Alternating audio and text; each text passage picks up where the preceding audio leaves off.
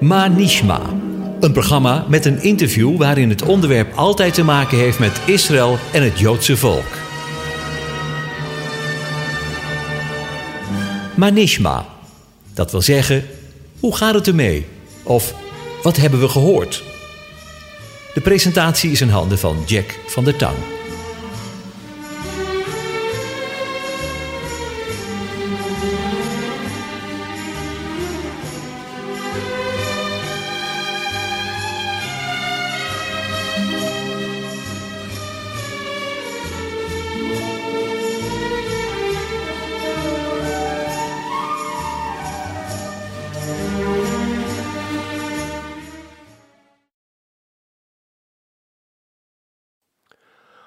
Hartelijk welkom, beste luisteraars. Van welkom weer bij Manishma. U hoort nu niet de vertrouwde stem van Jack van der Tang, maar van mij. Mijn naam is Kees van der Vlist en evenals de voorgaande uitzending heb ik een gesprek met Jack.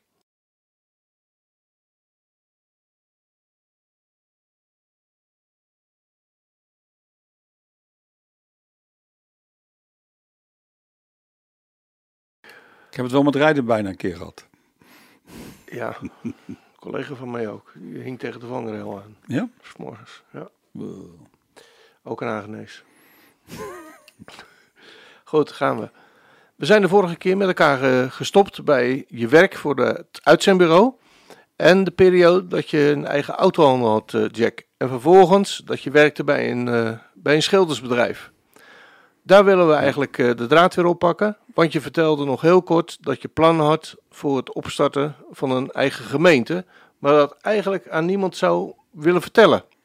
Hoe zat dat? Ja, dat, dat is een heel verhaal. Er is heel veel gebeurd hoor in die tijd. En eh, eh, ik heb het een en ander opgeschreven omdat ik het soms niet meer kan vatten wat er allemaal gebeurd is in de afgelopen jaren. Maar eh, ehm, misschien is het goed. Ik ben op een gegeven moment bij het schildersbedrijf, en dat was van mijn zwager, merkte ik dat ik vastliep met mijn tijd. Ehm, ik deed overdag tijdens mijn werk heel veel erbij. En ik Wat voor dingen deed je bijvoorbeeld bij? Nou, voor de, voor de stichting. Eh, telefoontjes plegen, eh, werkzaamheden. En ik vond dat eh, vervelend. Ik vond als ik, eh, en ik vind nog steeds dat als je ergens werkt, moet je je tijd eraan besteden. Mhm.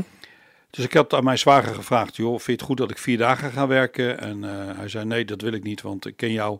Want vier dagen wordt drie dagen, drie dagen wordt twee dagen. Hij zegt, eh, dat kan niet. Hm.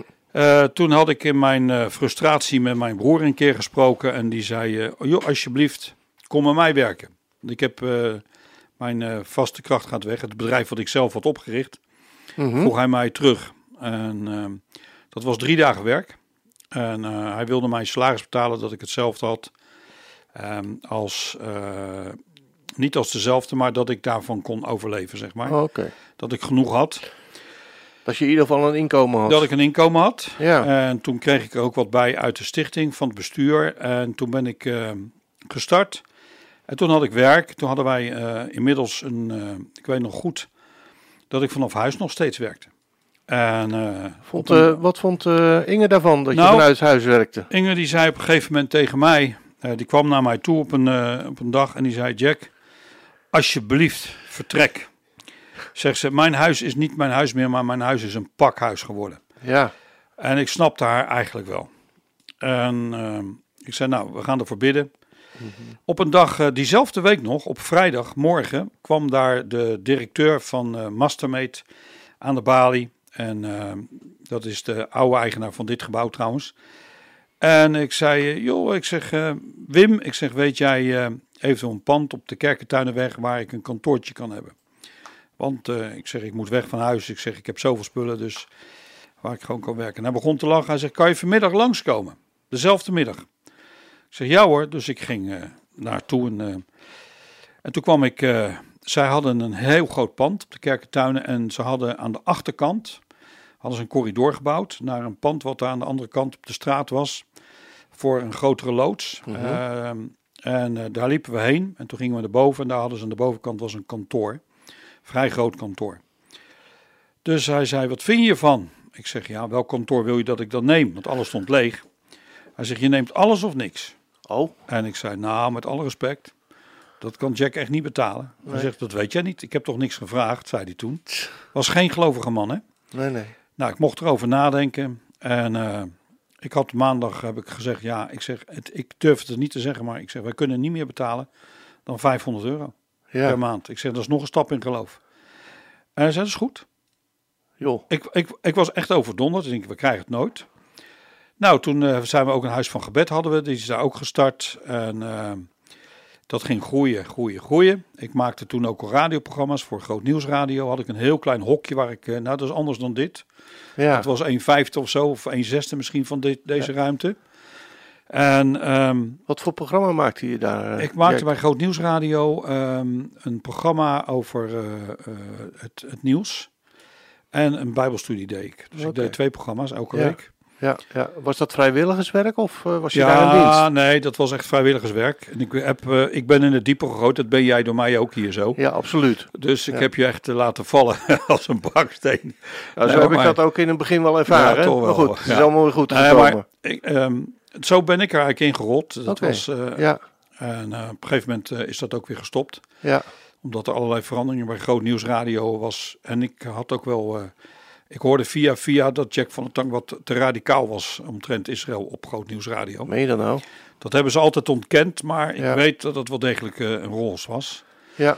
Maar, je, zat, eh, je kreeg een kantoor. Ik kreeg een kantoor en dat was een geweldig kantoor. eh, maar de trap werd wat hoog, was een hele hoge trap naar boven. Ja. Dat was wel een dingetje. En we begonnen te groeien en te groeien en te groeien. Met het Huis van Gebed. Ook met Huis van Gebed, maar ook de stichting. En, Oké. Eh, dus dat was wel een ding. Maar hij zei tegen mij, Wim, de eigenaar van die, dat, die, die huurde dat. Dat andere gebouw was zijn eigendom, maar dit huurde die. Ja. En toen zei hij, luister Jack, als ik eruit ga, omdat ik de huur opzeg, dan moet jij ook weg. En eh, in de tijd dat wij toch wel begonnen te bidden van heer, het begint al te klein te worden. Mhm. En de trap is te hoog. eh, kwam hij koffie drinken, wat hij nooit deed. En gaf hij mij een, een briefje officieel dat het werd opgezegd. Per, eh, en dat was in, eh, ik geloof in mei. Welk jaar hebben we het Eh, we praten over 2012. Oké, Zeg ik het goed? acht jaar Nee, geleden. nee dat, dat was eind 2012 en het zou per januari 31 december 2013 zou ik eruit moeten. En nou, ik zei, is goed. Ja. Dus we begonnen op ons gemakje te bidden, we hadden geen stress. Totdat ik in, in mei, en we hadden nog niks, een, eh, een telefoontje kreeg van de andere directeur. Een overtuigd christen. En eh, die belde me op. Hij zei, eh, Jack, we hebben een vraagje.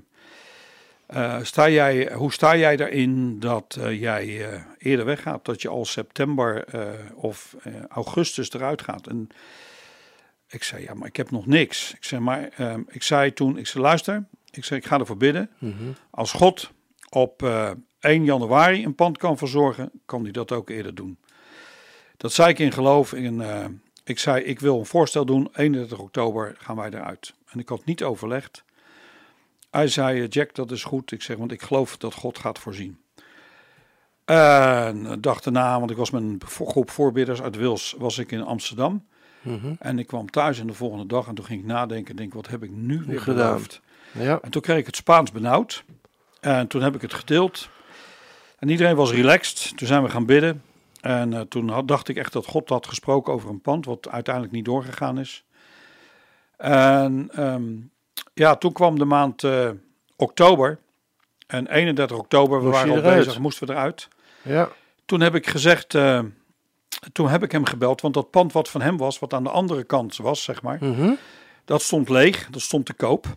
En toen heb ik hem gebeld en toen zei allebei de directeur heette Wim, om, voor de verwarring. Ja. Maar de eigenaar belde kom. Ik zeg Wim, ik zeg eh, ik heb beloofd dat ik 31 oktober eruit ga. En 31 oktober zijn wij eruit.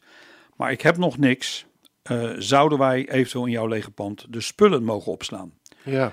En op dat moment sprak ik de volgende woorden uit. En daar had ik helemaal niet de plan. Was ik helemaal niet eh, de bedoeling om dit te zeggen. En toen zei ik. En hoe sta jij erin als ik eventueel eh, zo lang in jouw pand gaat als anti-kraak? En, eh, en toen zei hij, eh, ja, je overvalt me nu nogal hiermee. Maar je dat overviel mo- jezelf ik- eigenlijk ik, ook. Zei, ik dacht bij mezelf van, nou, ik ben nog meer overvallen dan jij dat ik dat nu zeg. Hij zegt, dat moet ik overleggen met de makelaar. En ik hoorde dus helemaal niks. Ik was inmiddels was ik overal aan het kijken en ik Ja. ervoor niemand. Ik kreeg aanbiedingen buiten Den Haag, mooie aanbiedingen, zelfs gratis Mhm. in, eh, in Blijswijk. Ja. Nee, Benthuizen. En eh, van een familielid, een loods. En ik Mhm. zeg eh, nee. God heeft me in Den Haag geplaatst. Ik mag alleen in Den Haag. Ik ga niet buiten Den Haag. Mhm. En een week later belde hij op en hij zei laten we eens afspreken. Dus wij kwamen in dit gebouw waar we nu zitten. Ja. En ik schrok me rot. Ja. Groot, groot. Ik zeg, Wim, dat heb ik helemaal niet nodig. Ik zeg, Mhm. een paar kantoortjes is genoeg. Dus we gingen hier naar boven, de eerste verdieping. En zei, wat heb je nodig? Nou, en ik zei, een paar kantoren en dan is het goed. Ja. Hij zei, wat kan je betalen? Ik zei, ja, ik zeg hetzelfde probleem als bij de anderen. Uiteindelijk eh, kwam eruit, we zouden 750 euro huur gaan betalen. All in. Inclusief energie. Dat is bijna voor niks, hè? En eh, hoe heet het? eh, toen zei ineens Wim Kuiper, die zei van joh, beneden is een mooie ruimte voor samenkomsten. Mhm. En ik heb hem gevraagd, want ik was zo onder de indruk. Ja. Maar ging, oh, toen gingen wij verhuizen, dat moet ik nog even vertellen. Dat wij natuurlijk 31 oktober moesten wij eruit en ik had nog maar Ja. twee weken. Nou, we hebben een aantal mensen die hebben geholpen. We hebben alles, alles. We konden. Ik zei tegen het team: ik heb een verrassing voor jullie. We gaan verhuizen. We gaan naar een ander gebouw en toch blijven we in het pand. Dat begreep En niemand. begreep het. Maar we konden door de corridor die zij hadden gebouwd, Ah, konden wij binnendoor, konden wij alles naar de andere kant brengen. ja. En, eh, en het regende die dag vreselijk. Dus wij hadden er helemaal geen last van. We hebben alles overgebracht. Eh, maar er was één groot probleem. Ja. Eh, internet kwam niet op gang in het andere gebouw. En daar Mhm. stond de radioserver van, van Radio Israël. En, ehm, en dat lukte maar niet om, om dat over te zetten. Ja. Eh, toen kwam er een KPN-monteur op de, op de 31ste oktober. Is het 31 oktober? Ja, 31 oktober. Zeg ik het goed? Ja. En eh, toen was het van... eh, hij zegt, ik snap er geen hout van. Ik zei, nou ja, ik zeg, moet je luisteren. Ik zeg, ik moet vandaag eigenlijk echt weg. Maar ik weet, de nieuwe huurders vinden het niet erg als het nog even blijft staan. En hij ging naar huis, want de tijd was erop. En hij belt een uur later op, op mijn mobiel. Hij zegt, Jack, ik, eh, ik had onrust. Ik ben naar eh, gereden naar de grote centrale. En ik heb gezien dat hier een schakelaar verkeerd stond. Eh, alles werkt nu. En toen hebben wij s'avonds alles overgezet. En toen zijn wij werkelijk, twee of drie uur voordat ik daar weg moest zijn, was werkelijk alles uit het gebouw weg. En dat vond ik echt wel een bijzonder getuigenis van God. En toen waren we hier in dit pand en toen was ik zo ongelooflijk dankbaar. Ja. Dat ik zei, jongens, we gaan een echt eh, hier iets organiseren, iets heel groots, om te laten zien hoe groot God Dat het is. Ja. En eh, toen hebben we een, eh, de laatste week van december, eerste week van januari, hebben wij hier een tentoonstelling opgezet. Van? Ik kreeg van schilderijen van diverse mensen. Ja, ja. Ik kreeg van de stichting Nagemoe Nagemoe Ami blauwe stoelen, 108 geloof ik. Ik kreeg een geluidsinstallatie. We hebben beneden een ruimte ingedeeld. Eh, want ik had hem gevraagd, mogen wij een, eh, een, eh, een soort tentoonstelling, open huis houden? Dat was, alles was goed. Mhm. Al die jaren dat wij als anti-kraak hebben gezeten, alles wat ik vroeg, is goed Jack. Is goed Jack. Tja. Een man die niet geloofde. Ja. En, zo gebruikt God mensen. en wij hè? hebben steeds ook, we zeiden ook steeds, we bidden voor je dat je een hele goede prijs krijgt. Ja. En eh, moest hij altijd lachen. en ja, ja, zei hij dan. Ja, ja. En, maar goed, ehm, we hebben toen een. eh, toen, hadden wij, eh, toen had ik het zo gedaan dat in die twee weken deden wij elke dag ha, nodigde iemand uit van de organisatie en die gaf een spreekbeurt. Mhm. En eh, Wat we voor hadden, soort organisaties? nou, ik heb Pieter Benaar gehad van Christen van Israël. oh, ik ja. heb gehad eh eh, Doornbos, die sprak namens heel mijn leven. Ik heb gehad. Eh, dus allemaal eh, christelijke, Wim Verwoerd. eh, allemaal christelijke Israël. organisaties uh, hadden al of niet te maken met, ja, eh, met ambassadeurs, Israël. de ambassadeur was geweest. Van? Kees van der Staaij is geweest. De ambassadeur van Israël is hier Van geweest. Israël? Kees van der Staaij. Ja, Eh, de rabbijn uit Den Haag heeft hier gesproken. Ehm, dus we Ja. hadden een heel vol programma. En we hebben op Ja. twee sabbaten hebben we een dienst georganiseerd. Mhm. En eh, toen zei Inge, Jack, ik geloof dat God wil dat, we een, eh, dat je een gemeente moet starten. En eh, want kwamen jullie toen nog in de... wij kwamen nergens meer, eigenlijk op dat moment. Dus eh, ehm, we hadden een paar keer in een gemeente gezeten waar Ja. een scheuring was. En dat had niks met ons te maken. Mhm. Maar we waren zo ons vertrouwen kwijtgeraakt dat we een tijd lang nergens naartoe gingen. Ja, En Inge zei, God heeft je hier al heel lang voor geroepen. En ik weigerde dat. Ik wilde dat niet. Ik wilde niet aan de gemeente beginnen. En ik heb altijd gezegd, ik wil het nooit alleen doen. Mhm. Ik geloof niet in één man leiderschap. En eh, we hadden toevallig, eh, had ik gesproken op een Israël-conferentie georganiseerd door Kees van der Horst. En die De woonde voorzitter eh, van Stichting Pillow of hè? Ja, ja, ja, Ja. en hij is nu de voorzitter inderdaad. En hij kwam, eh, eh, hij belde op. Hij zegt, ik heb het gevoel dat ik met jou een praatje moet maken. Hij zegt, kan ik iets voor je betekenen? En, en hij had iets echt op zijn hart gekregen. En toen zei ik van, nou dat en dat. Nee, nee, dat is niet. Ik zeg, nou ja, ik zeg op het laatste. Ik zeg, eigenlijk heb ik een gastheer nodig. En op dat woord zat hij te wachten. En toen is hij gekomen en we hadden een ongelooflijk goede klik. Hadden we. Het was echt een bijzondere man. En ik ben echt God dankbaar dat hij hier met eh, zijn vrouw hier gekomen is. En, eh, en hij begon ook te praten over Jack, over een gemeente. Ja. Ik denk dat je een gemeente moet starten. Ik zeg, doe je mee dan? En eh, nou, hij wilde absoluut meedoen. Ik zeg, want ik wil niet alleen doen. Was hij toen op dat moment ook zoekende naar. eh, naar Nee, nee, want hij was oudste ergens anders. Ah, Hij was zat nog in een andere gemeente waar die oudste was. ja. En toen zijn we, eh, toen heb ik wel gezegd, Ing, ik zeg, eh, als wij gaan beginnen, een gemeente, wil ik dat niemand het weet. We gaan met niemand erover praten, want ik wil God testen. Dat is niet echt een goede marketingcampagne van je. ik wilde zeker weten of het van God was. Ik zeg, dan moet de Heer mensen gaan sturen. Ja. En eh, ik weet niet meer met hoeveel mensen we begonnen zijn. Misschien met 30 of zo, maar het groeide, het groeide en groeide. Op een gegeven moment moesten we wel naar de bovenzaal, omdat we het gewoon niet meer konden houden. Ja. Zoveel mensen. En, eh, en zo is het eigenlijk eh, verder gegroeid. Gemeente Chamar is eh, op die manier ontstaan. Ja, en toen is hier een studio gekomen waar we nu zitten. Ja. Dat was toen nog een kantoortje en alles in de loods gebeurde daar. Wij hadden de grootste loods in Nederland van hulp, hulpmaterialen, hulpgoederen. Ik weet nog heel goed, want die was leeg. Die gebruikten we ook helemaal niet, was niet de bedoeling. Nee. Maar de hulpgoederen voor? Nou, de- de- eh, ik kreeg een telefoontje op een dag van Max Veenstra. Van Israël, waar ik samen Israël Relief mee eten heb opgericht in Israël. En eh, Mhm. inmiddels eh, echt een hele goede vriend geworden. Jack, jij zegt toch altijd dat alles wat je hebt van Gods, voor Gods koninkrijk is? Ja, zei ik tegen hem, dat klopt. Hij zegt, nou dan heb ik nu een uitdaging voor je. ik zeg, wat dan? Hij zegt, ik, heb een, eh, ik krijg aangeboden 6000 matrassen. En, 6000 eh, is- matrassen? ik zou werkelijk niet weten waar ik die moet eh, brengen. Hij zei, jij bent de enige die de ruimte heeft. Ja, ik zeg, Max, luister eens. Dat moet ik echt gaan vragen. Ja. Ik zeg, want ik heb de afspraak wel met Antikraak verkocht. Binnen een maand moet ik er zeker uit. Ja. Ik zeg, dus als hier 6000 matrassen liggen en die moeten in één maand weg.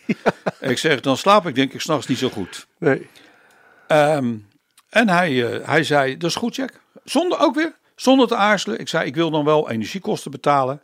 Ja. was geen probleem. Later werd het de 9000. En toen is dat zo geëxplodeerd. Met, eh, we hebben weken gehad dat er een paar vrachtwagens in en uit gingen. Onvoorstelbaar. We hebben twee vrachtwagens wel eens binnen gehad. We hadden 2500 meter. Mhm. Maar dat werd voor mij een last. Ik was niet geroepen voor hulpgoederen.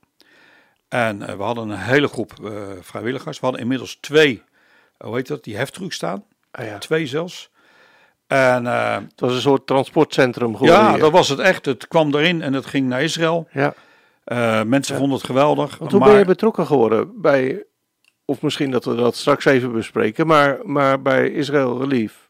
Hoe ben je daar betrokken Nou, dat bij is, geworden? Dat is eigenlijk hierdoor gekomen. Ah, Eh, ik was met, met Max goed bevriend geraakt, maar ik, ik zei wel steeds tegen Max, Max, het is heel leuk en aardig, mhm. Maar ik, ik, het wordt wel een last voor mij. Ik zeg, want zo'n vrachtwagen komt dan eh, bijvoorbeeld op dinsdagmorgen ja. en eh, dan staat er een team klaar. Ik zeg, of dinsdagmiddag. Mhm. Ik zeg maar, de, bijna 100% is het altijd een ander tijdstip. En dan staat Jack van der Tang in zijn eentje op de Ja. heftruck. Die is- is die vrachtwagen aan het lossen.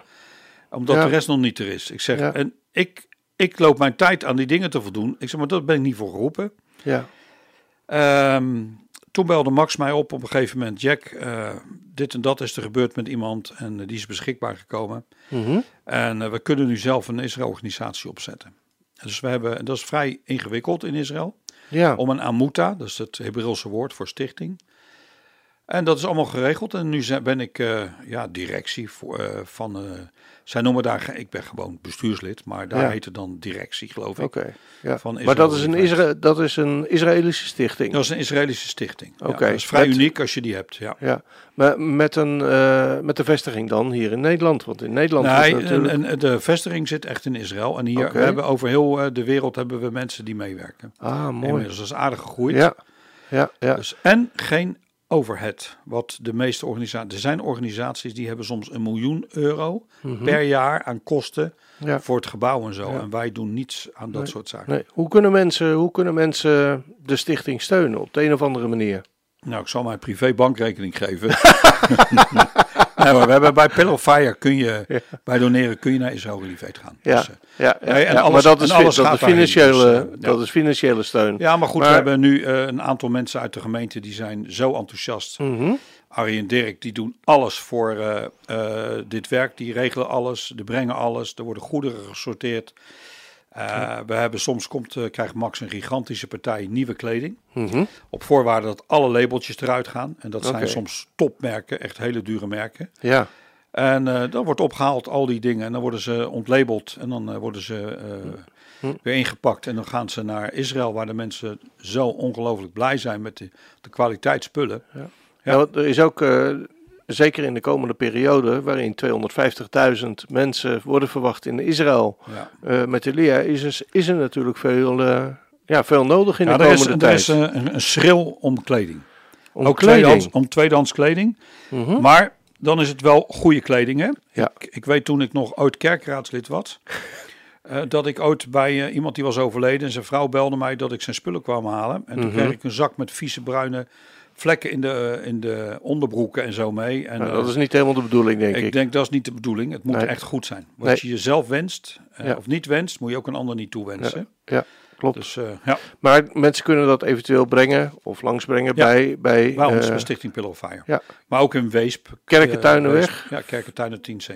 10C in Den Haag. Dus mensen, als u dit hoort en u denkt van, nou, ik heb nog iets in de, in de kledingkast liggen, kom gerust langs. Ja. Bel even van tevoren of er iemand aanwezig is Ja. naar Pillar of Fire. En eh, wij zijn, u maakt ons blij, maar u maakt vooral de mensen daar in Israël blij. Ja, en eh, ze zijn in de coronatijd gewoon doorgegaan hè, met het sorteren van tweedehands kleding. Ja, ja ik, heb, Dus, eh, ik heb het gezien dat mensen zelfs thuis, eh, dat, Ja. dat Dirk thuis met, eh, met het wagentje overal bij alle adressen langs ging, spullen bracht en later weer ophaalde. Ja. Ja, het, is, eh, het is heel mooi werk. Ik herinner me nog een voorval bij, eh, eh, bij Israël Relief. Heet dat, eh, ze hebben een, een vrachtwagen, hè? Misschien kun je daar iets over vertellen. Ja, ik weet waar je op doelt. Ik moet even nadenken. Eh, ik kreeg, eh, s s'morgens vroeg kreeg ik een appje dat de trailer, eh, en Mhm. de trailer die was geweest van Doorkas of zo, kan dat? Ja, Die had Max overgenomen. Omdat Doorkas was gestopt met dit soort zaken. En Doorkas, die, en die, hij had die trailer. En de trailer was gestolen. En dus hij vroeg gebed voor, eh, wat was het eigenlijk weer voor gebed, Kees? Hoe was het nou? Hij vroeg gebed voor... nou, de, de trailer was ja, gestolen, dat, ja, dat hij weer terechtgekomen eh, zou komen. Ja. En dat, dat hij niet naar Oost-Israël, naar Oost, eh, Oost-Europa Ja. ver- ver- eh, ver- gebracht zou worden. Dus wij waren samen geloof ik op kantoor, als ik Ja. het goed heb. Ja, En toen zei ik, zullen we samen bidden? Dus wij baden en ik zei spontaan toen ineens geloof ik van... Mag hij nu terugkomen of zo? Mag hij nu teruggevonden worden of zoiets? Hè? ja, ja, nou ik kan me herinneren dat, dat ik hier op maandagochtend binnenkwam. En eh, dat jij Max aan de telefoon had. En dat ik merkte van, oh, er is een trailer is er, eh, is er gestolen door Max. En jij zegt, eh, achter je gesprekstafel zeg je ineens van... ik proclameer nu dat de auto voor drie uur vanmiddag terug is. Oké, dan kan ik me nog... Ik weet dat ik, dat ik hem inderdaad... Nee, zeg, ik Ja. had hem aan de lijn. Ja, En toen zei ik, nee Max, we gaan proclameren dat die vrachtwagen terugkomt. ja om drie uur vanmiddag. Zei je er ook nog bij. Ja, ja. En wat gebeurt er? Ik denk, nou ja, ik, ik werkte hier nog maar heel kort. En ik denk, nou, ik weet niet wat er met Jack aan de hand is. Maar het wordt nu tijd voor een... eh, Pilletje. Ja, voor, een- voor zijn dagelijkse pilletje. Ja, nou dat leggen we later wel uit. Maar, ehm, en tot verbijstering eh, gebeurde het om kwart voor drie dat, eh, dat er een telefoon van, van, van Jack ging. En dat, dat Max belde. De- dat Max belde. Dat de politie hem had gevonden. Het is onbeschadigd. Onbeschadigd. Ja. De dezelfde dag was hij terug. En dezelfde dag was de auto terug. Ja. Ja, dat, dat zijn natuurlijk wonderen van God, eh, zo- zoals, eh, zoals Ja. dat dan gaat. Oh ja, want toen zei jij, ik ga van nu af aan ga ik alles bijhouden wat ik Ja. hier meemaak. Ja, ja, ja. Want je had soms bedacht, is het nou echt allemaal waar wat er gebeurt? dat Dus, eh, klopt. ja. Ja, dus ik heb het grote wonderboek van God eh, heb ik toen aangelegd. En eh, ik kan u wel vertellen, de- er staan heel veel wonderen die ik in de afgelopen tijd hier... eh, en ik werk hier nu sinds een, eh, sinds een jaartje, maar al zoveel dingen heb meegemaakt waarvan ik denk van, dit is onbestaanbaar. Eh, en als ik dan s'avonds thuis kom en ik vertel het een en ander, dan zit er een thuis op met de mond open van, dit kan niet waar zijn. Kan niet waar zijn. Maar het is echt waar. God werkt ook in, in deze tijd. En dat is eigenlijk ook waarom ik het zo bijzonder vind dat ik ook jou mag, mag interviewen, Jack. Dus er gebeuren zoveel dingen ook in jouw leven, waarbij mensen soms in een gemeente zitten en zich afvragen van, ja, wat, wat is God nou eigenlijk aan het doen? Bestaat hij nog wel? We horen zo weinig van hem. Dan moeten ze één keer, één weekje bij Pillar of Fire langskomen. Ah, het is niet altijd. eh, we zijn ook gewoon nuchter en het is Ja, echt niet is zo, eh, want we hebben ook onze strijd en onze zorgen. En, eh, Dat is ook zo. dus, eh, Maar elke keer is er weer een opening. En dat eh, vind ik mooi. Ja, we waren gebleven bij, eh, bij het pand waar we, waar we op dit moment in zitten. Ehm, nou, ja, daar, ga ja. Ik, daar, daar gaan we dit ook vertellen. Dit was dus anti-kraak waar we zaten. Toen kwam het jaar, ik moet even nadenken, hoe lang zitten we hier nu? Eh, het is 2020, laten we zeggen 2017 of 2018, ik weet het niet meer. Ik denk begin 2018 of 2017. Ik, moet, ik zou het uit moeten zoeken. mhm. Toen werd ik onrustig. En ik, eh, ik zei. eh, ehm, ik, ik zit nog even na te denken wanneer het was. Ik denk 2017 of zoiets. Mhm. Toen zijn wij begonnen. Ik zei: Jongens, ik ervaar dat we weggaan. We moeten weg uit het gebouw. Eh, dit jaar is het laatste jaar. En eh, er was helemaal geen telefoontje, niks geweest. En ik zei: Ik ga elke morgen door de week van 7 tot 9 ga ik hier in het gebouw bidden. Voordat Mhm. God een oplossing gaat geven. We gaan niet zoeken, we gaan niets doen. We gaan alleen maar bidden. Terwijl er nog niets aan de hand was. En eh er was niets aan de hand. En toen hebben wij hier met elkaar gebeden. eh, een tijd. En eh, toen eh, kwam eruit dat. Eh kreeg een eh, belletje. En hij kwam naar me toe, de, nieuwe eigenaar. Want het gebouw was inmiddels verkocht, namelijk. En de eigenaar die zei. eh, ik heb een. oh nee, toen was het zo. Toen, toen werd het inderdaad verkocht. En de eigenaar die kwam naar mij toe, de nieuwe eigenaar, die stelde zich voor. En wij waren toen aan het bidden. En die zei, ik heb nog niemand, dus maak je niet druk. Je kunt blijven zitten en één, twee maanden opzegtermijn, dat blijft. Dus wij gingen door met bidden. En eh, op een gegeven moment had ik iets van... eh, ik had ineens het gevoel, ik ben klaar. De rest ging door. Ik zei, nee, ik stop er nu mee. Ik ga nu eh, nadenken over hoe of wat. Toen was ik in Israël met een groep. Ik leidde een groep. En op de laatste dag onderweg naar het vliegveld kreeg ik een appje. Mhm. of een mailtje, ik weet niet meer. En ik had internet in de bus. Dat officieel contract, dat het einde verhaal was. Jo. Dus wij moesten er eh, uit eh, 31 oktober. Alweer. Alweer 31 oktober. En eh, nou ja, goed, ik, eh, ik was nuchter erin. Klaar. Het is einde verhaal. Ja. En eh, het pand was ook veel te groot. We, hadden daar, we hebben daar drie gebedsconferenties gehouden, internationaal. We hadden 40 slaapkamers, 40 slaapbedden erin. We hebben zoveel gedaan hier. Dat is echt, als, je, als ik dat ga vertellen, is weer een, eh, een uur of twee uur verder. Mhm. Maar eh, ik weet nog goed dat eh, ik heb heel veel gedaan om een ander pand te vinden. Maar had een huurder, alles. En eh, ik had een hele leuke relatie met hem trouwens. Hij was een hele aardige vent. Met de nieuwe eigenaar. Met de nieuwe eigenaar. En Ja. eh, hij heeft ook in de autohandel gezeten, net als ik. Dus we hadden heel veel gezamenlijke De klik, kennissen. De klik. Ja. Eh, moest wel eens lachen als ik wat vertelde over God of zo. En, eh, en, eh, maar ik kon gewoon niks vinden. Vinden. Ik heb toen, we waren aan het bidden, vasten. Ik heb toen echt een paar keer gezegd, nou hier, het is eigenlijk veel maar makkelijk. Ik, het is uw werk. En als u zegt van dat ik moet stoppen, stop ik klaar. Ik zeg, dan ga ik weer werken. Het is niet anders. Ik was ook in die tijd inmiddels fulltime gegaan. En, eh, dus hij, eh, Hij komt eh, begin oktober komt hij bij me. En ik had, was inmiddels al aan het, helemaal een, een, een plan aan het maken dat alles eruit ging. Ja. We hadden al gekeken waar we de spullen gingen opslaan. Nog niet alles was rond. En hij komt begin januari komt hij op mijn bureau. Hij zegt, Jack, heb je tijd voor een bakje? Ik zeg, ja. hoor. Hij zegt, eh, hoe gaat het nu? Hij zegt, heb je al een idee waar je heen gaat? Dus ik eh, begon te lachen. Ik zeg, eh, nee, ik heb nog niks. Maar één ding weet ik wel. God gaat voorzien. En eh daar moest hij heel erg mee waren lachen. Ik zeg, ja, dat geloof jij niet, hè? Ik zeg je, God gaat voorzien. En terwijl ik eigenlijk ook een beetje had van, nou, misschien moet ik maar stoppen of zo. Dat had ik Ja. wel, maar dat zei ik. Ja. Dus zitten ook te kletsen en toen zegt hij ineens van, Jack, mag ik wat vragen? Mhm. Zeg, wat dan? Hij zegt, heb je zin om te blijven? Nou, ik viel van mijn stoel af. En eh, ik zeg, blijf. Ik zeg, maar je hebt toch een huurder al? Alles is Ja. toch geregeld? Ja, Ja. zeg maar, Jack. En we waren fanatiek aan het bidden hoor, toen moet ik je zeggen. Hij zegt, Ja. hij zegt, maar dat is het probleem. Ik snap het niet, maar die heeft alles gecanceld. Dus ik heb geen huurder. Hij zegt, en eigenlijk bevalt het mij heel erg goed, jou in het pand. Omdat ik gewoon zie dat jullie echt serieus bezig zijn. En eh, heel erg netjes op de spullen gelet hebben. Mhm. Hij zei, eh, ik zeg, ja, ik zeg, joh, maar Hans, dat kan ik niet betalen. Ik zeg, eh, weet je hoeveel meter dat is? Nou, zei, Ja. dan huur toch een gedeelte. Ik zeg, nee, nooit. Ik zeg, alles of niets. Ik had regelmatig, had ik eh, moslims binnengekregen. Ja, en die kwamen kijken. En ik, ik zei, ik wil niet op een helft, ehm, hetzelfde afdeling met moslims zitten en ons. Ik zeg, Nee. dat, kan, dat gaat niet werken. Ik zeg, Nee. wil ik niet. En eh, ik zeg, ik kan niet betalen. Hij zegt, maar ik heb toch niks gevraagd? Ik zeg, ja, maar Alweer Kees, niet. eh, ik zeg, eh, maar ik zeg, Hans, ik zeg, dit is echt, echt te duur. Dit is 800 meter of zo. Ik zeg, dat, als Mhm. ik de meters neem, Ja. het was natuurlijk een beetje uitgewoond. En ehm, uiteindelijk heb ik met mijn bestuurder over gehad. Toen heb ik gevraagd, joh, mag ik onderhuurders hebben? En Mhm. vind je dat goed? Nou, dat was ook geen probleem. Ook weer een heel lang verhaal kort. Ehm, we hebben hem een voorstel gedaan. Waarbij hij tot mijn verba- totale verbijstering zei, dat is goed. Tja.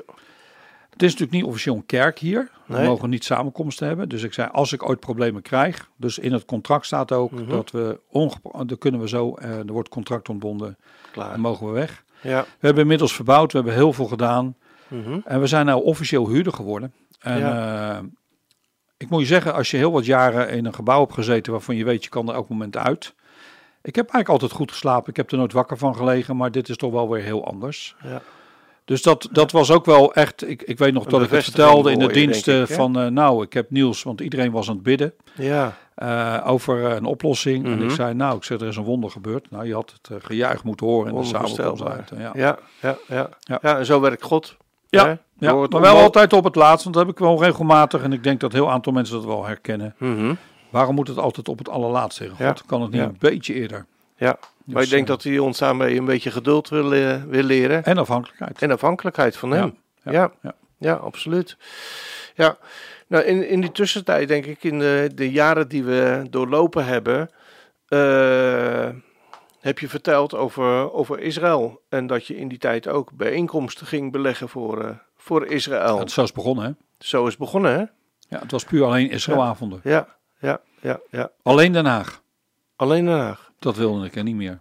Oké. Maar eh, ik begreep dat je een, eh, to- toen je eigenlijk nog maar net eh, een roeping had gekregen voor, ja, voor Israël. En, en, nou ja, dat, dat, dat je dacht van, nou, ik moet in Israël. God vraagt voor mij dat ik in, in Den Haag een Israëlavond ga beleggen. En dat je dacht van, nou, dat moet dan in een kerk gebeuren. Ja, en dat God, je kerkhuren. daarop, ja, en dat, je, dat God je daarop corrigeerde op de een of andere manier tijdens een strandwandeling, toch?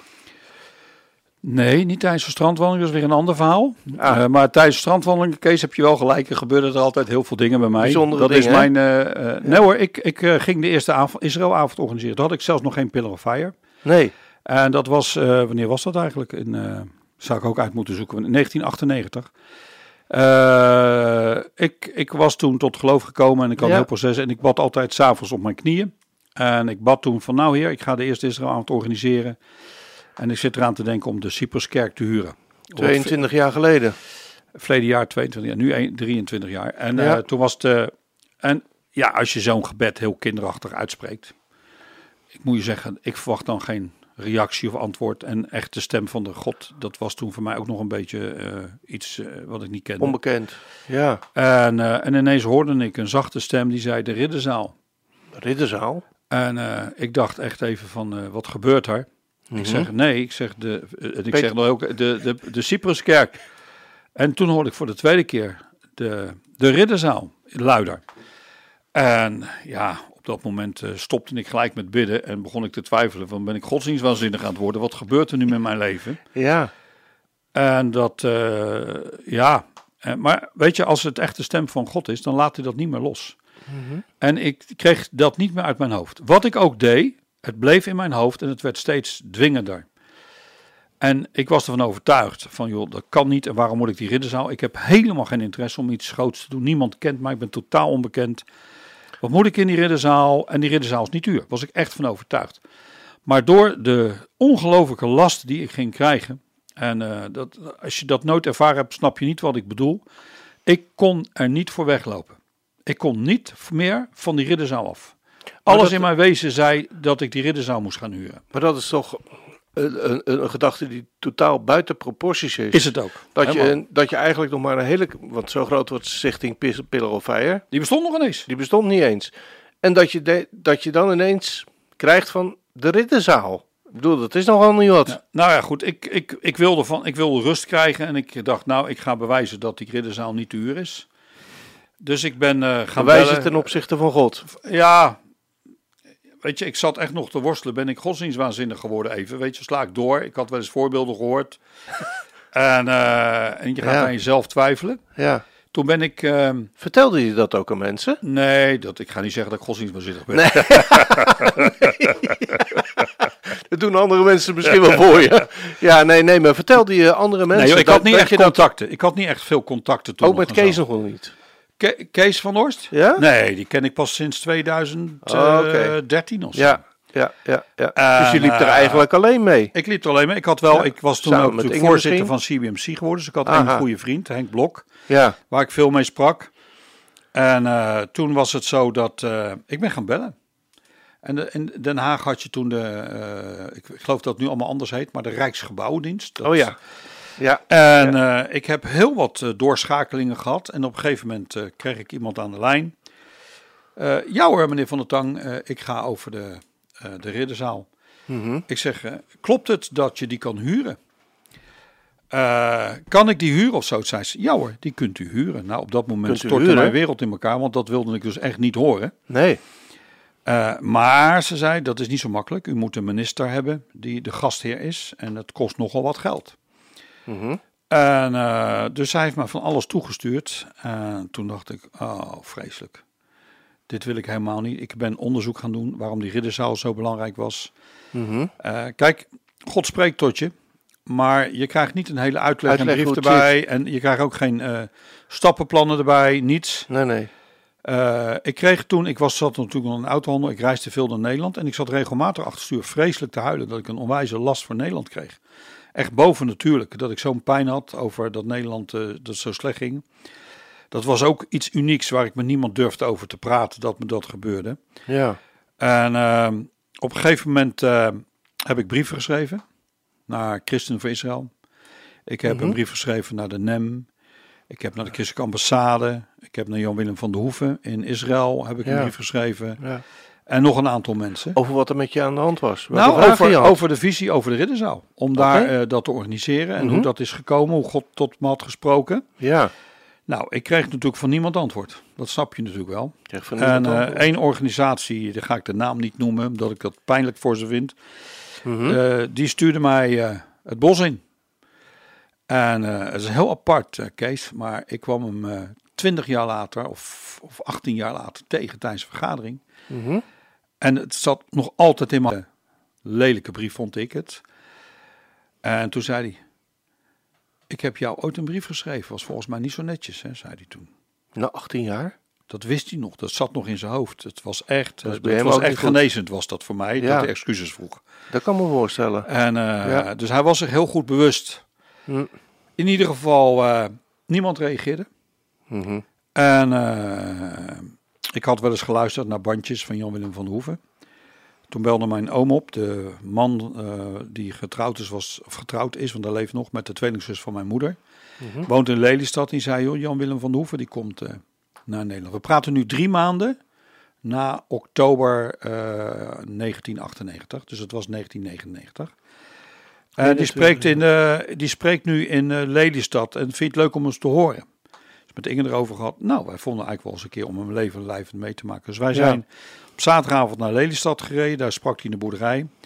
En toen zei ik onderweg tegen Inge, zo spontaan, Ing, ik denk dat het goed is dat wij het verhaal van de ridderzaal af gaan sluiten. En dat ik moet beleiden dat ik niet de stem van God heb gehoord. Dat het gewoon hartstikke fout was. Zo. En eh, ik zei, als vanavond het woord de ridderzaal valt, op wat voor manier dan ook, Mhm. dan deel ik nog één keer in Jan Willem van der Hoef, want die had ook niet gereageerd naar mij. Nee.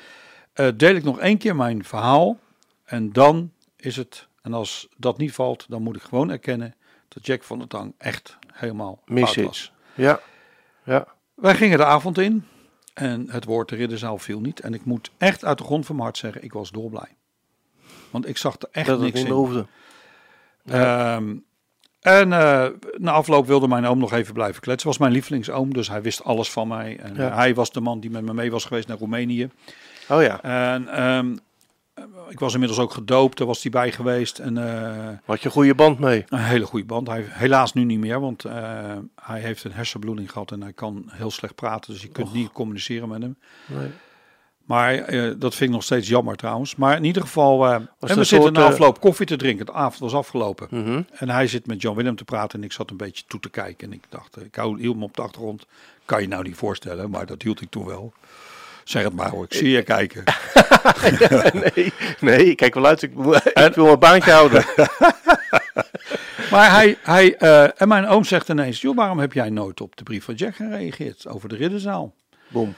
En ik was eigenlijk Boos op hem. Oh man, ik werd zo boos. Ook zeg, Houd had je je mond. kop gehouden, dacht ik. Ja. En, eh, maar goed, ik had beloofd, dan zou ik het nog delen. En ik ga het delen. En hij zei, ik heb nog nooit iets gehoord over die brief. Die hebben ze mij nooit gegeven. Joh, Maar dit vind ik geweldig, geweldig. echt waar? En eh, nou, hij sloeg helemaal door. De mensen die hem kennen weten wat ik bedoel. en, eh, en hij wilde mij woensdag in Baarn op zijn hoofdkantoor hebben. Eh, daar had ik het eerste uur ook wat over verteld, hè, dat ik toen voor hem ging werken. Ja, ja, ja. En eh, uiteindelijk eh, ben ik dinsdagavond thuis. De volgende morgen zou ik naar hem toe gaan. En ik ga dinsdagavond op mijn knieën. En ik zeg, vader, ik wil u gewoon eerlijk bekennen. Ik weet het echt niet meer. Wat ik hier nou mee moet met die ridderzaal. Nee. Ik heb één bevestiging nodig. Wilt u me alstublieft nog één keer bevestigen? Want ik weet het echt niet meer of dit nou echt van u is of wat. Ja. Je werd natuurlijk in je gevoelens helemaal heen en weer geslingerd. ja, ja. En eh, de volgende morgen eh, was ik erg vroeg. Ik Mhm. dacht, ik rijd naar Baarn, ben ik eh, met de files. Ehm, ik had drie maanden ervoor brieven gestuurd en nooit meer wat gehoord. Hè? Drie maanden. Ja. Ehm, en de volgende morgen sta ik op het punt om weg te gaan. Het kan wel zijn half tien of zo, ik heb geen idee. Telefoon gaat. En ik werkte vanaf huis. Ik dacht, nou, ik heb toch tijd. Laat ik maar even telefoon opnemen. Dus ik loop terug. Ja, u spreekt met eh, P. Koelewijn. Dat was toen de directeur Ja, van Christen van Israël. Ja. Bent u meneer Van der Tang en heeft u die brief geschreven over de ridderzaal? Wap. Ik zeg eh, ja. Hij zegt nou, hij zegt mijn excuses dat u zo lang niets van ons heeft gehoord. Maar wij zijn zeer geïnteresseerd en we willen graag een afspraak met het bestuur. Wil graag met u spreken. En je. eh, ik dacht, hoe is dit mogelijk? Drie maanden stil geweest. Dat ik niets gehoord. bid en dat ik dan die bevestiging kreeg. Uit fijn, eh, we zijn met elkaar geweest. Ik ben met Jan Willem in gesprek gegaan. Jan Willem zou Netanyahu regelen. Netanyahu zou komen, had hij toegezegd. We hadden toezegging in zekere zin van de ehm, minister van Buitenlandse Zaken. Dat was de oud-burgemeester van Aartsen. Ah ja. Die was toen minister van Buitenlandse Zaken. En die stuurde ineens een brief dat wegens het niet eens zijnde met het nederzettingenbeleid van Israël, hij alles cancelde en niet wilde meewerken. Want hij moet ook een minister-president uitnodigen. Dat kun, je, dat kun je niet doen als particulier. Dat moet echt een, eh, Een minister doen. dat moet een minister of een. Ja. eh, een, een- en, eh, en toen had ik natuurlijk de grote vraag. Heer, ik snap er niks meer van. Nee, dat snap ik. Ik heb, want ik heb je niet alle bevestigingen gegeven, maar er is zoveel gebeurd. Dit was uw wil. En eh, toen is er een hele, hele lange tijd voorbij gegaan. Waarbij ik echt geworsteld heb en geworsteld heb en geworsteld heb van... eh, hoe kan dit? Als ik, een, ik heb er nooit om gevraagd. Ik heb het niet gezocht. En het is gebeurd, het is niet gebeurd. Het is nooit gebeurd. Hoe kan dat nou? Ja. Dus eh, ja. Weer, weer een hele lange tijd eigenlijk van, van twijfel. En de heer aan de ene kant, Nou ja, laat, u mij, laat u mij bevestigen elke keer. En bevestig u mij Ja. van de ridderzaal, de ridderzaal. Eh, en dan komt het zover dat er na een hele lange periode ook eigenlijk dat je niks gehoord hebt, uiteindelijk mensen gaan reageren. En dan wordt de weg weer afgesneden. Het is wel zo dat in dat hele proces ik eh, behoorlijk bekend ben geworden bij heel veel mensen. Ja, En een goede contact heb gekregen, eh, met mensen ben op gaan trekken. Dus in die zin heeft God het ook wel gebruikt ten goede. Maar de vraag van de ridderzaal, ik heb op een gegeven moment ook echt naast me neergelegd. En ik ben daar niet eh, al die jaren mee bezig geweest. Het kwam soms terug dat ik dan Ja. weer had van, hé, hey, hoe kan het nou als ik op het Binnenhof liep? ja, Werd ik altijd herinnerd aan dat gekke gebouw wat daar stond van, eh, ja. ja. Dus, eh, kan me voorstellen. Ja. Ja. ja, het is een heel bijzonder verhaal, denk ik, hè? Wat, wat nog niet afgelopen is. Hè? Want als we, als we verder kijken. Nu wel. Nu wel. ja, ja, ja, ja. Maar het verhaal is nog niet af.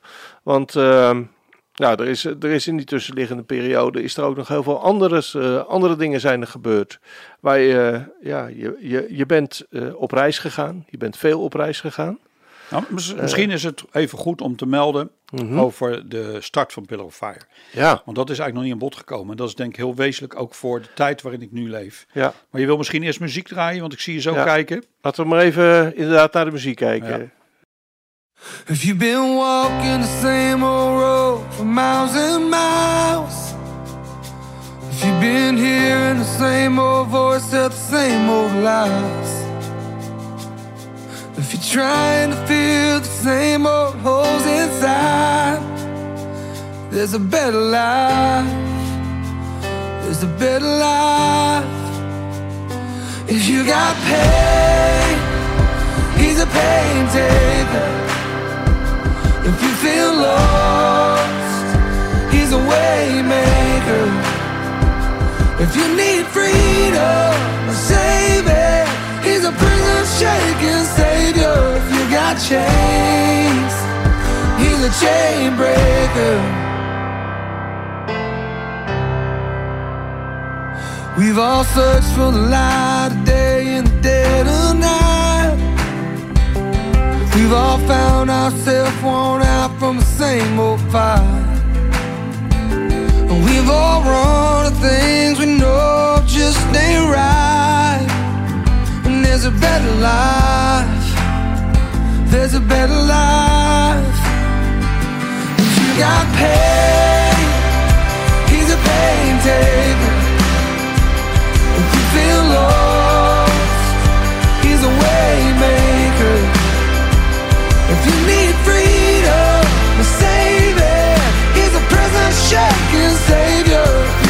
chains, oh, he's a chain breaker.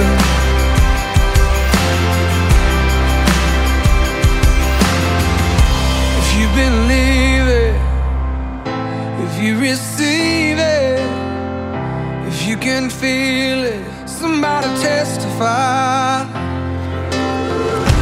If you believe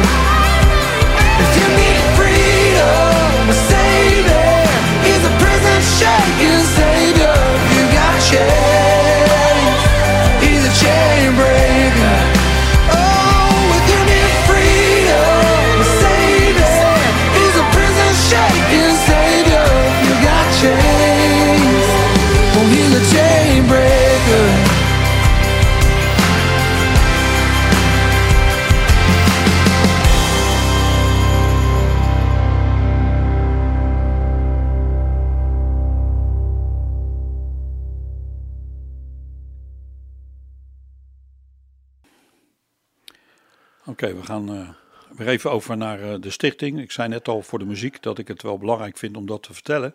Mhm. Eh, en dat is misschien het meest belangrijke wel voor mezelf dan voor de luisteraars. Maar het is heel actueel voor mij nu geworden. Ja, Ehm, op een gegeven moment was ik met Israël avond aan het organiseren. Ik heb dat niet allemaal meer precies hoe ik dat heb gedaan en hoe het zat. Maar je begon ook geld op te halen op de avonden. En je merkte dat er vragen kwamen van eh belastingaftrek en zo. En eh, met, Mhm. ik wilde met kaarten gaan werken. Dus het was wel belangrijk dat ik een stichting zou oprichten. Ja. En ehm, dus ik ben op een gegeven moment ben ik daarover na gaan denken en ehm, ik heb eh, besloten om een stichting op te richten. En de stichting was echt puur voor avonden in Den Haag, meer niet. Dat, ik was echt niet geïnteresseerd, want ik had gewoon mijn werk.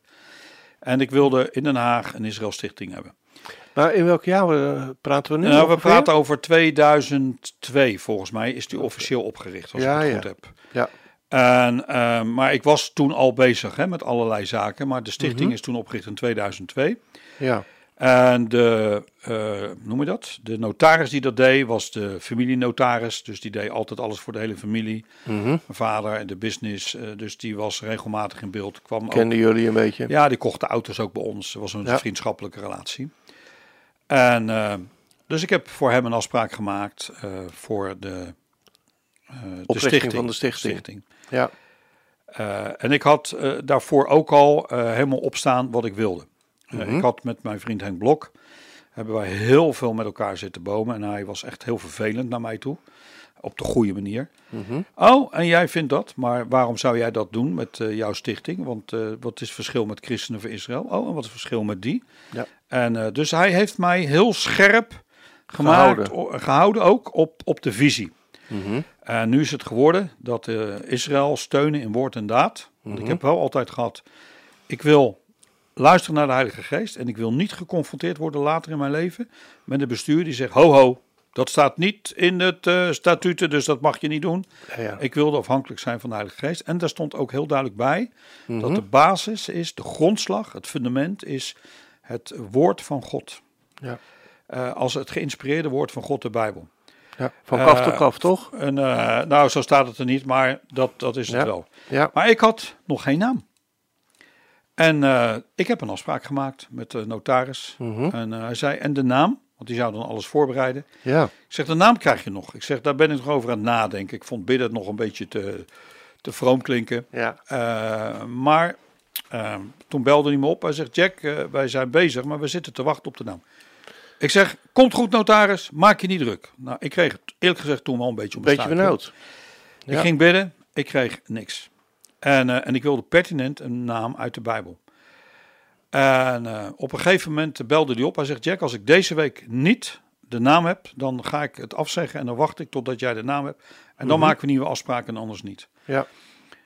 Dus eh, op woensdagmiddag in die week ehm, kwam ik eerder thuis. Er waren een hoop kinderen thuis. Inge was daar. En, eh, en je gaat dingen herkennen. En ik voelde mij onrustig worden van binnen. Ik zei, Inge, ik geloof dat ik even naar buiten moet. Ik moet bidden. En ik loop naar buiten. Ik weet nog precies op de plek waar ik loop. Eh, en ik zeg, Heere God, wilt u met me praten? Heeft u soms de naam voor me, zei ik zo tegen hem. Ik zei, want ik ervaar dat er wat is, want ik werd echt onrustig van binnen. En op dat moment eh, zag ik een, een beeld, een soort visioen. En ik zag eh, de vuurkolom voor mij. En ik begin vreselijk te huilen. En dat, dat- dat heb ik wel meer als echt de Heilige Geest over me komt. Dan ga ik niet lachen, zoals sommigen dat Ja. denken. Maar ik, begin heel, ik kan heel emotioneel huilen. worden. Mhm. Ehm, en ik wist het, de vuurkolom. Dat is het. En de vuurkolom zag ik. En ik dacht, hoe heb ik dat niet gezien? En ik had altijd de visie gehad dat met de Alia, dat God zijn volk thuis zou gaan brengen. Ik had echt Jeremia 16, vers 14, 16. De tijd van de vissers, tijd van de jagers. En mijn roeping was de tijd van de jagers. Dat, dat, dat was iets dat ik altijd heb geweten. Dus ik heb, eh, ben naar huis gegaan en ik belde mijn vriend Henk op. En eh, ik zei, Henk, Henk, wat er gebeurd is, ik heb de naam. De vuurkolom.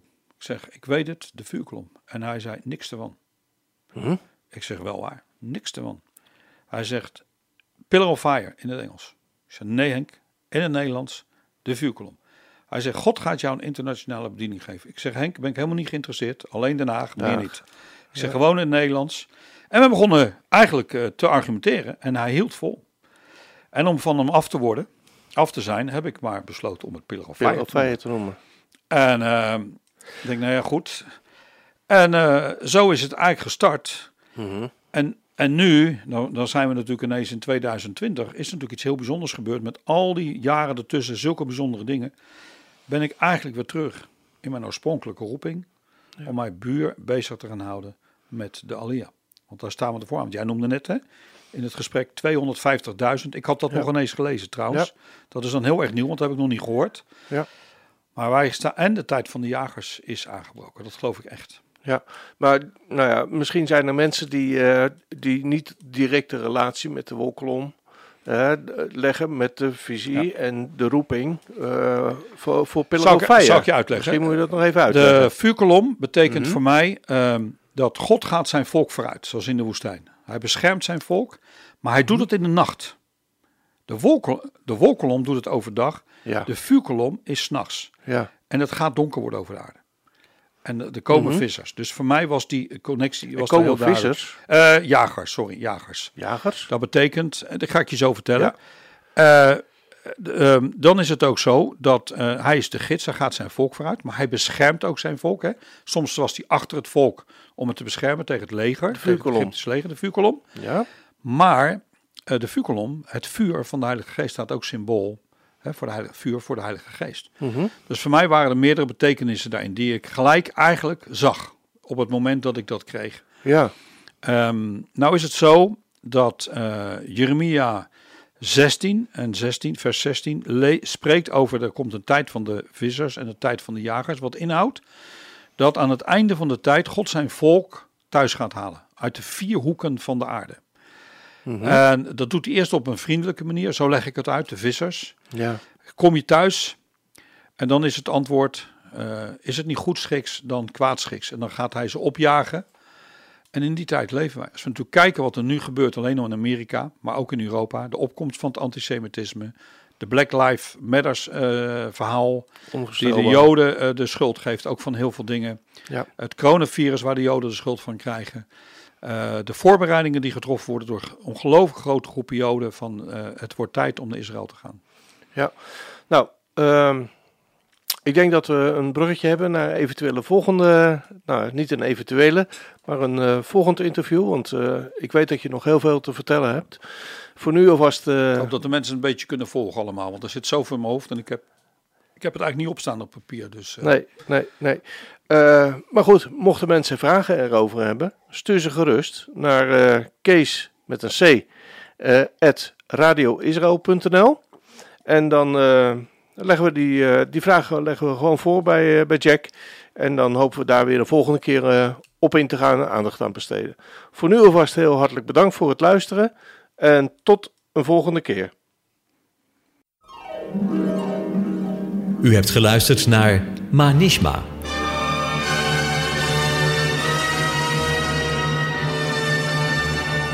Een programma met een interview waarin het onderwerp altijd te maken heeft met Israël en het Joodse volk.